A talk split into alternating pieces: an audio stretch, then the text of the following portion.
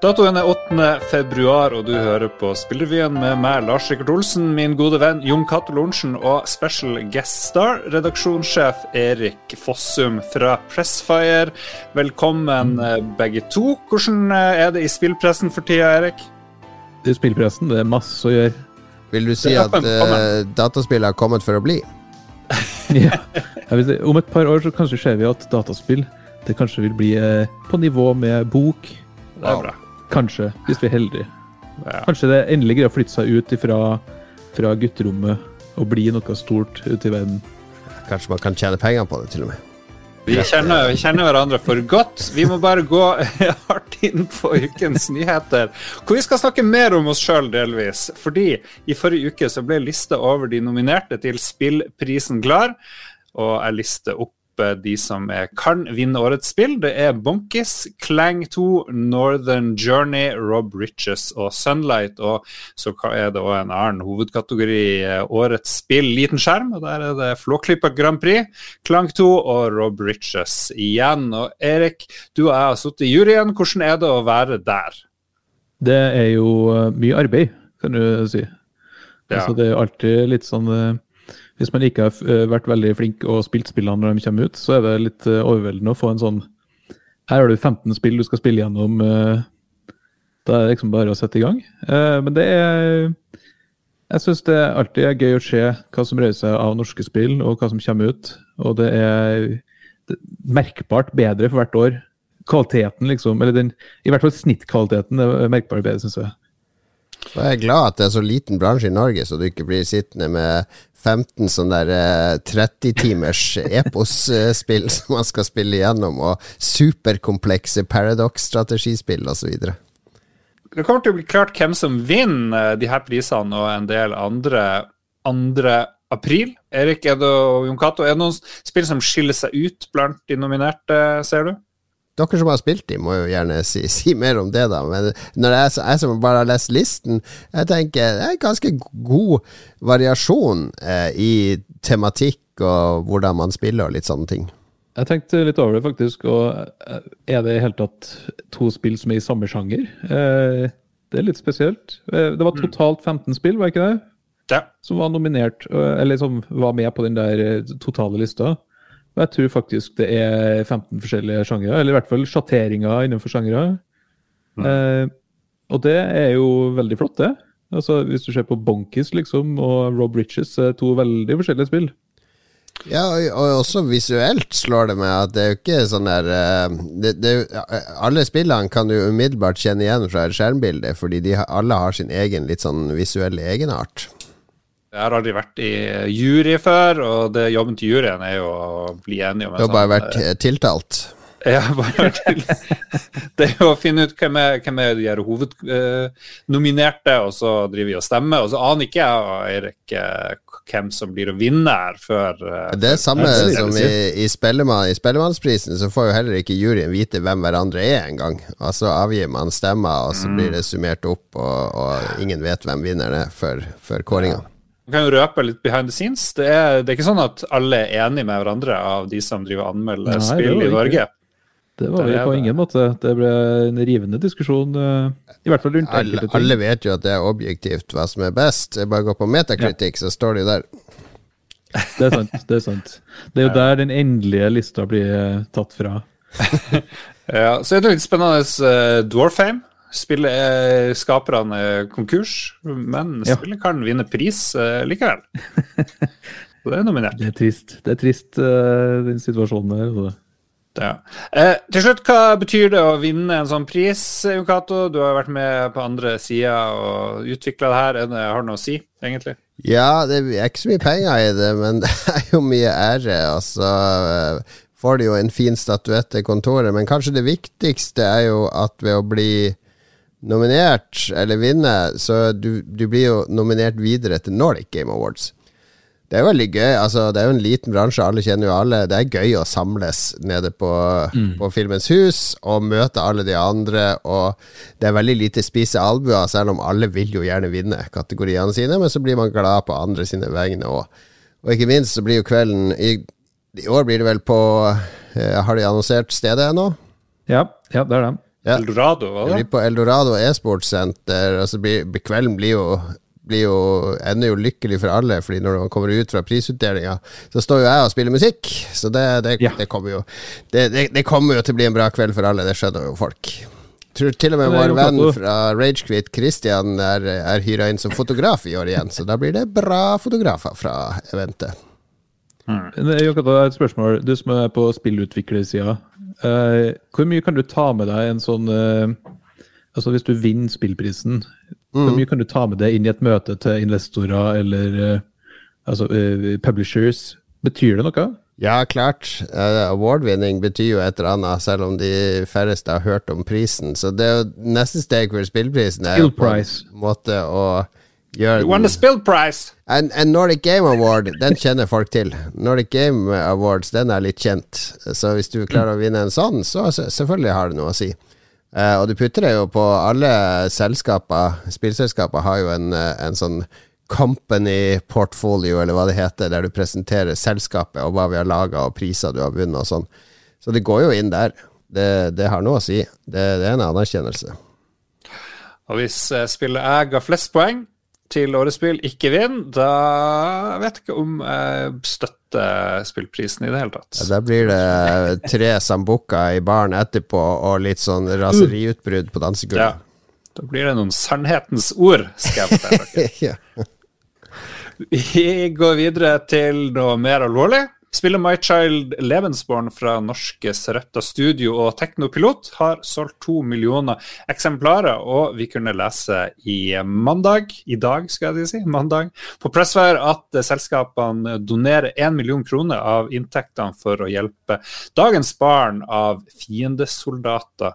De oppretter The Children Born of War Project også en stiftelse som skal øke bevisstgjørelsen rundt problemene barn født under konflikt har. Og jeg tenker Du, du har snakka med, med, selskapene, Erik, og yep. de forteller at de vil lage mer enn et spill, og det virker jo som de har klart.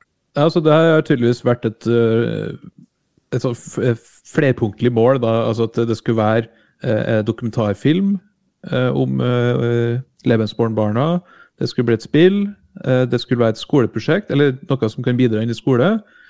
Og så var liksom pipe-dreamen da, var jo litt den der at det skulle bli en, eh, noe de kunne jobbe med inn mot eh, større ting gjennom en stiftelse. Inn mot stat, inn mot eh, å faktisk hjelpe barn. Og det er jo liksom den siste delen som har kommet på plass nå. Og det syns jeg er utrolig imponerende at de har fått til. Altså Spillet kom ut i 20, 2018 eller 2019. Og liksom ja. nå plutselig har eksplodert i, i i popularitet. Det er jo solgt en million bare det siste året. Tok jo helt av på TikTok eh, med, med, engagement og folk som, som heiv seg på og lagde innhold og, og, videoer rundt spillet. De sier at et stor del av det, eh, det som har skjedd, eh, har vært eh, det der spillsamfunnet som har eh, dukka opp rundt spillet, som har vært med og løfta det. Uh, og så har det jo uh, Altså, det blir oversatt av fans til mange forskjellige språk. Eh, det har blitt stort i Kina. Eh, nå har de faktisk eh, hatt et stort push og hatt masse salg i Russland og Ukraina, så det her er jo liksom en problemstilling som er veldig aktuell i dag også. Og så er det den stiftelsen de har laga som en sånn forskerbasert gruppe mennesker som har samla seg, og som nå holder på å jobbe inn mot samfunnsaktører rundt omkring. Og det, det virker som de har en god plan der også. Eh, men det er litt mer sånn på siden av spillutvikling, da. Eh, de skal jo ikke slutte med spillutvikling. Ja. Men bare det at spillet har solgt to millioner eksemplarer, er det hverdagskost? Det spørs hva du definerer som et salg, ikke sant? Fordi uh, spill som Tesla-grad, som har vært gratis på PlayStation Plus en måned, de, de påstår at de har solgt flere millioner, ikke sant? Fordi eh, ganske mange mm. lasta det ned i gratismåneden, og de har jo fått penger for å gi det på Epic Games Store eller et annet sted gratis en periode. Så da, da kan du regne det som salg. Så, men sånn rene over disken én-til-én-transaksjoner, eh, der er det nok ikke så mange andre enn Funcom som kan vise til sånne salgstall.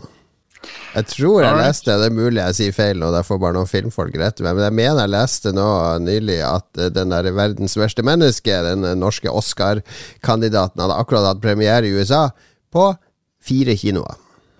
Wow, wow. La, oss ikke, la oss ikke fyre opp under spill versus musikk wow, og film. vi, vi, kan heller rakke ned Apropos på musikk, Google. vi kan, vi kan Ja. si litt om musikk, fordi også i LA, der har de på Amoeba Records, så hadde de jo faktisk tre meter eh, med hylleplass via til Norwegian Black Metal, så det er ikke bare spill som gjør det stort i utlandet, det er også musikk. Ah, yeah. All right.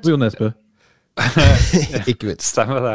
Uh, vi kan rakke ned på Google uh, i stedet for norsk film. Google Stadia synger på siste vers. Ifølge Business Insider så er prosjektet nedprioritert, og hele tjenesten skal nå internt ha blitt til Google Stream. Og mange av de som jobber på prosjektet, skal ha blitt flytta til andre steder i selskapet. Og jeg kan vel ikke si at det her kommer som noe enorm overraskelse, Jon Cato? Nei, eh, innholdet har jo vært problem her. Eh, en plattform der du skal kjøpe en masse dyrt eh, innhold låst til den ene plattformen. Eh, k altså etablere en plattform fra scratch, ikke sant? Eh, Microsoft, Sony, eh, alle andre som har en stor backkatalog, de kan bruke den altså, som, som en inngangsport til en ny type strømmetjeneste, og det har ikke Google hatt. De hadde en sånn tanke om at sant, du kunne se trailer for uh, Si et nytt spill, da. Far Cry 6. Ok, du kan se en trailer for Far Cry 6 på YouTube, ikke sant? Så, å, det ser fett ut. Og da, i traileren skulle det da være en knapp 'spill det nå'. Altså skulle du trykke på den, og så to sekunder senere så satt du og spilte det. Via stadion din, ikke sant? for det skulle være integrert i YouTube, som eies av Google. Dit kom vi aldri, eh, kan vi vel trygt si. Men det var på det nivået, liksom sånn businessmessig, at det skulle være sånn én-til-én mellom spilltrailere og tjenesten. At uh, brukere skulle gå over fra å ha dedikerte plattformer til å bare sette og se ting på YouTube. En streamer spiller et spill, trykker på en knapp, boom, nå spiller du. Via denne tjenesten. Problemet var Ja. bare økonomien i det, fordi det var heller boom, putt inn kredittkortdetaljene dine og ditt og datt og et eller annet kjøp og subscribe. Ja, det ble ikke Netflix-easy uh, der, men uh, jeg så du skrev litt om det her, Erik. Eh, Det virker å ha vært en dyr flopp. De prøvde jo å få en del spill uh, til tjenesten, men det, det var jo ikke billig, det, da. Det er, altså, den pengebruken som har, blitt, eh, altså, som har vært her, er helt eh, utrolig eh, på, i negativ forstand. For de har brukt 10 millioner dollar per portering av gamle spill for liksom å få utviklere altså eh, lempe sine altså ett, to, tre år gamle spill inn på tjenesten. Eh, og så er det jo ikke en abonnementstjeneste sånn egentlig. Du måtte jo betale altså Ved lansering så var ikke engang gratisversjonen av Google Stadia der. Så du måtte betale for å få lov til å kjøpe spill. Eh, og det er fullprisspill som er streamingspill, og med streams så er det liksom Det er ikke helt der ennå. Eh, enkelte spilltyper er bortimot uspillbart via Google Stadia, og det Altså, det er bare katastrofe på katastrofe. Og så et år etter de er lansert, så sier de plutselig nå skal vi ikke satse på spill likevel. Vi skal heller bli en sånn en storefront der andre folk kan ha spillene sine. Legge ned to spillstudio med flere hundre ansatte.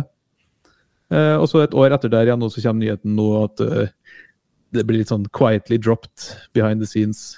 Det er jo det Google gjør med alt som flopper. Altså Ja. de ofte de putter masse masse penger i noe nytt og spennende, og så får det ganske kort tid på å vise at det har livets makt. Det er Narvesen-taktikken. Altså Det er omsetning per kvadratmeter ganske raskt. Det skal lykkes med en gang. Nettavisen har det også sånn. De har, det er ingen som finner på så mye reportasjer og, ving, og ting og tang som Nettavisen. Og det er fordi de, hvis det ikke funker etter to uker, så dropper de det. Ja. Leste at uh, strømmefremtida er kanskje ikke vi skal strømme alt, men at det blir en sånn hybrid. Det blir en del av en løsning, det blir ikke hele, hele løsninga. Kanskje. Ja, Kanskje. Det er ikke sikkert det skalerer at alle de eh, mange millioner av menneskene som sitter og spiller nå, skal strømme alt fra store datasenter. Så jeg tror nok det blir eh, hybrid i eh, en god del år fremover. Vi, siden vi har deg med, Erik, redaksjonssjef i Pressfire, så driver vi og leser dine ting nøye, selvfølgelig, sånn research. Og da kom jeg over at minipartiet Venstre, nå stadig mer irrelevant, eh, har likevel en høy stjerne, eh, virker det som, i hvert fall hos deg, og kanskje i norsk spillbransje. For du har eh, oppsummert forrige regjerings uh, innsats på spillfronten, og du sier at nesten alt forrige regjering lova på spillfronten ble holdt, og du gir Venstre veldig mye æren for det her. og Det syns jeg jo vi kan godt uh, vie litt tid her. Hvorfor er du så gira, og hva var det de fikk til? Vi er ganske kjappe på å arrestere politikere når de gjør ting feil.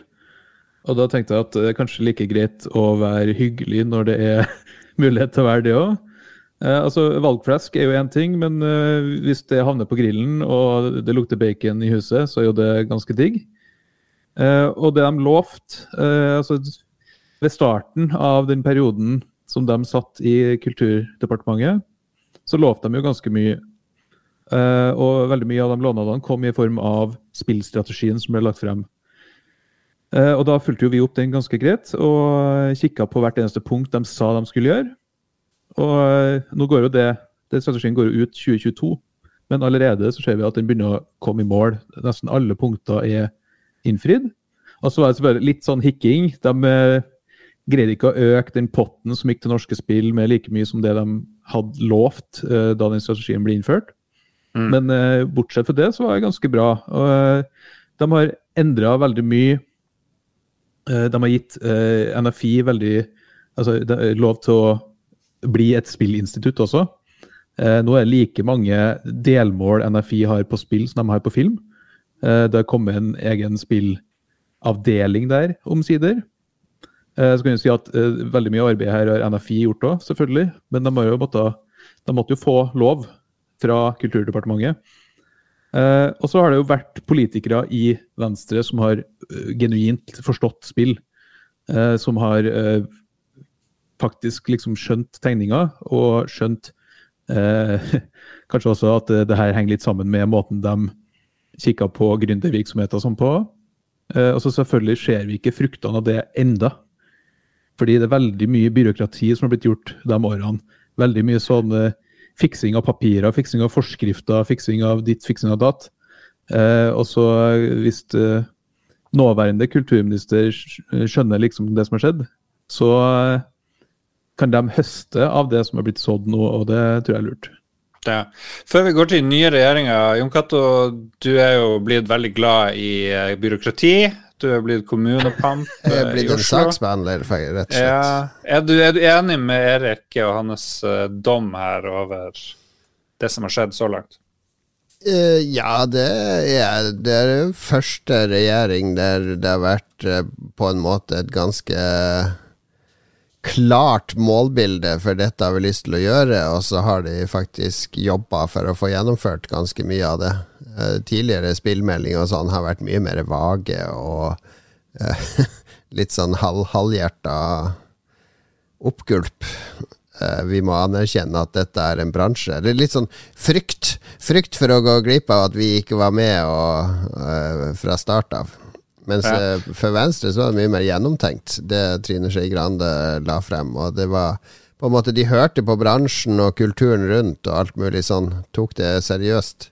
Og så må jeg si, hele den eh, Det er jo først og fremst Trine Skei Grande som sto bak dette, men, ja. eh, men Raja òg holdt i ting og, og, førte det litt videre. Og jeg var jo i i den perioden de var med å bestemme, så var jeg jo i tror to eller tre ganger jeg var oppe hos Kulturdepartementet, ble invitert til sånne møter for å komme med innspill og perspektiver fra spillbransjen. Den ene gangen var jeg sammen mm. med standup-bransjen og noen fra dansebransjen. Fordi da var de interessert i Vi har et litt snevert bilde av hva kultur er. Kan ikke dere forklare hva, hva er kultur i deres bransje? Skal standup Hvordan skal vi anerkjenne det som kultur? Hvordan, hva er det som, hvilke kulturer er det som springer ut av dataspill? Det her var jo så greie I starten av den prosessen her, så var det jo godt å slippe det der året som går med på å bedrive voksenopplæring hva er dataspill? Er, mm. ikke sant? Og det, hele den greia der. Ja. Den slapp så, også med Venstre. Men savner dere nå eh, Venstre som et relevant parti i Norge? De var sånn passe nerdete og intelligent og skolert på dataspillfronten. Er Senterpartiet ligger de like langt fremme, eller Arbeiderpartiet? Senterpartiet har gått til sak, spillsaken deres er at vi må ha en norsk versjon av Farming Simulator. Det er, uh, det er vel deres fremste spillsak. Fishing in Barents Sea? Ja, det er, det er jo Senterpartispill de luxe. vi bare moser på videre her, tror jeg. Vi kom akkurat for seint i havn med forrige ukes podkast til å få med at Sony kjøper opp Bungie. Dem, og nå er vi en uke etterpå. Hva tenker vi og føler vi nå om akkurat det? Kunne være interessant å ta en liten status på. Det jeg tenkte, det, Hvor lurt er det å kjøpe et selskap med, med sitt hovedprodukt, et free to play-spill som skal være multiplattform? Kjør debatt, Jon Cato først. Uh, for det første så tenker jeg at det er litt sånn dumt å sitte og se på Xbox. Å, hvordan skal Sony svare nå? Å, nå gjorde de det! Hvordan skal Xbox svare nå? Det er ikke det det handler om. Det handler om to selskaper som prøver å bygge en langsiktig strategi for å få svære kundegrupper inn, eh, lojale inn. Og Sony sitt kjøp av Bungie, hvis du ser på hva de pengene skal gå til Jeg leste at mye av disse pengene er øremerka til å beholde kjernekompetanse i selskapet. Ofte når et selskap blir kjøpt opp av et annet, så forsvinner alle de eh, flinke, eller de lederne som har løfta selskapet til suksess. De er sånn Fuck det her, jeg er ikke interessert i å jobbe under Bobby Kotik eller hvem det er som har kjøpt meg opp, så de forsvinner ut og lager et eget selskap. Men Savn er veldig interessert i å holde på kompetansen til Bungie, fordi eh, enten man vil eller ikke, Bungie har laga uh, en fantastisk suksessfull serie med Halo, og en fantastisk suksessfull serie med Destiny. Du, Lars, tror kanskje at Destiny er en flopp, men det var 800 000 som spilte det daglig spiller det daglig nå, i en ekstrem dødperiode for spillet, fordi alle går og venter på en ny expansion. Det har masse, masse spillere hele tida, døgnet rundt. Det er et spill som har klart transition fra å gå fra sånn her eh, kjøpespill til å bli et free to play-spill med ganske kostbare expansion packs eh, som folk kjøper. Eh, og det, har, det, er en kompetanse som sitter i det selskapet innen å lage sånne type games as service-spill. Det er den kompetansen Sony kjøper nå. Altså Sony har jo sagt det, at det er den kompetansen de kjøper. De ønsker å ha det, muligheten til å kunne bygge sånne games as a service-spill som eh, Destiny er mye flinkere enn dem til å gjøre. Og så er det litt, det er litt som Jon Cato sier, det her er jo ikke reaksjonært eh, sånn Å, oh, shit, Microsoft kjøpt noen. Eh, vi må forte oss å kjøpe noen nye. Løp ut og kjøp noen! Løp ut og kjøp noen! det er ikke sånn eh, Det er ikke at Jim Ryan har sprunget rundt med kredittkortet og dratt liksom 32 milliarder kroner ut av rassen for å eh, handle et spillstudio fortest mulig. Det her er jo noe som har skjedd over lang tid. Det er, om det er smart å kjøpe et selskap som har spill som er free to play altså Free to play-spill er jo noen av de mest innbringende spillene som eksisterer. Så businessmessig så uh, it makes sense. Ja, Destiny går ikke med underskudd. Uh, og, oh, altså, altså, men så handler det om hvordan skal vårt selskap være? Ikke hvordan skal vi bli mest mulig lik uh, Xbox. Men jeg tror den store forskjellen på når Microsoft kjøper et studio og når Sony kjøper det, og nå spekulerer litt der, men Microsoft vil ha et studio som fortsetter å lage det det lager. De vil ha Turn 10 Studios, for de fortsetter å kvele ut Forza Horizon. Vi, jeg, jeg, vet ingenting om Forza Horizon 6, men samtidig så vet jeg nøyaktig hvordan Forza Horizon 6 kommer til å bli. Altså, det, det, er ikke en stor overraskelse der. De vil ha et studio som fortsetter å lage Halo-spill. Det orka ikke Bungie. Så de, de hoppa av, og så lagde de ny, en ny eh, sånn der kopi av Bungie. Fortsett å lage denne type spill. Eh, så, og Det er det som er Microsofts strategi, det er å fylle alle disse sjangerhullene med, med IP-er. Men Sony tror jeg tenker Eller jeg liker å tro at de tenker litt mer sånn kreativt. Jeg liker å tro at de vil gi Bungie noe sånn spillerom og, og definere Altså, de er ute etter å bringe det neste store, mens Microsoft er mer interessert i å holde en status quo, eie tingene og, og videreføre det som er. Det blir eh, spennende å se. For en sånn tradisjonell gamer-dude som meg, så skjønner jeg ingenting av det her. Men greit nok, de får kompetanse. De skal lage hva det stod, de skulle lage masse sånne games as service-spill. Ti spill? Ja, de ligger i the pipe, og det høres helt grusomt ut. Ti Free to Play-spill kommer nå fra Bungie. Dette gleder jeg meg til. Du, jeg spiller Dota 2. Jeg har eh, snart 11 000 timer i Dota 2. Ja. Det er free to play.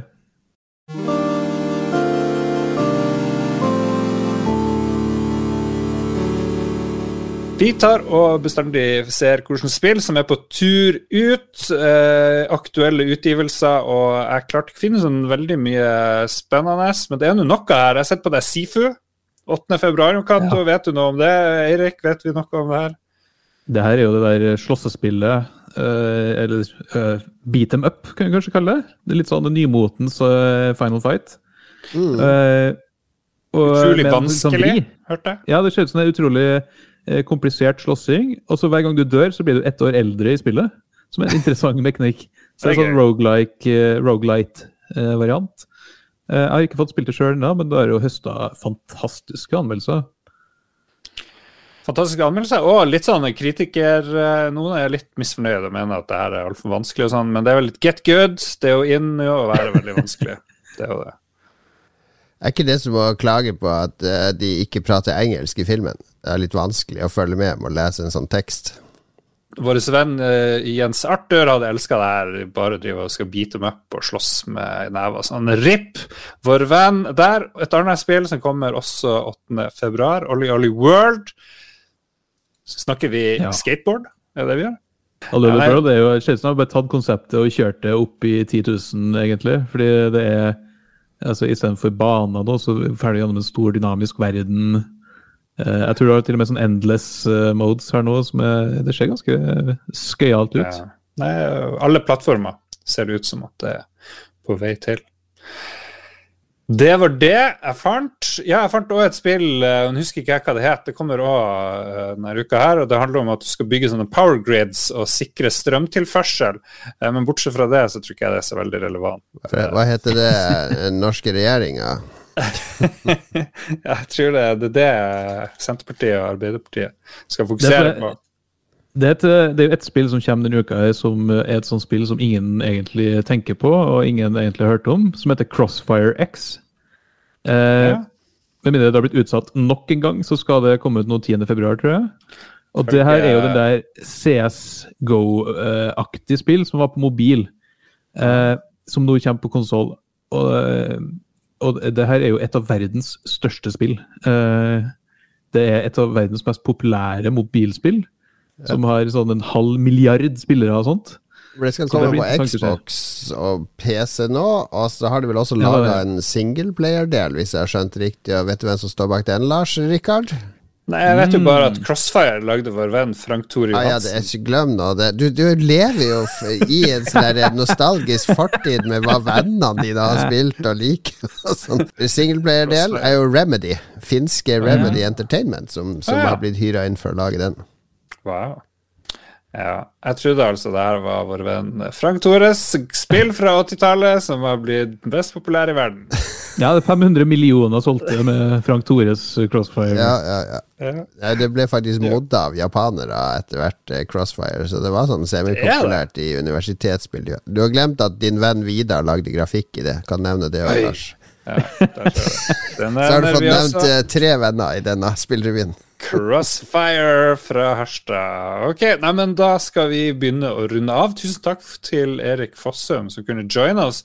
Og så skal jeg ikke glemme denne uka at Jon Cato er alltid klar, stand by på slutten av episodene med gode råd til våre lyttere. Vær så god.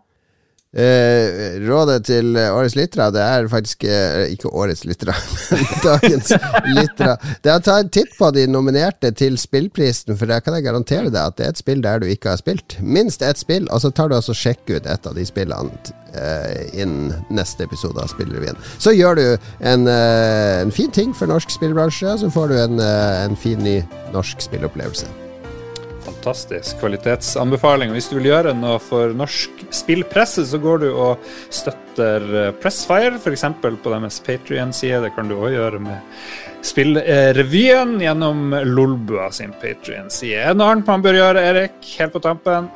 Husk på å skifte underbukse minst én gang i måneden. Stemmer. Vi snakkes om en uke. Ha det bra. Ha det.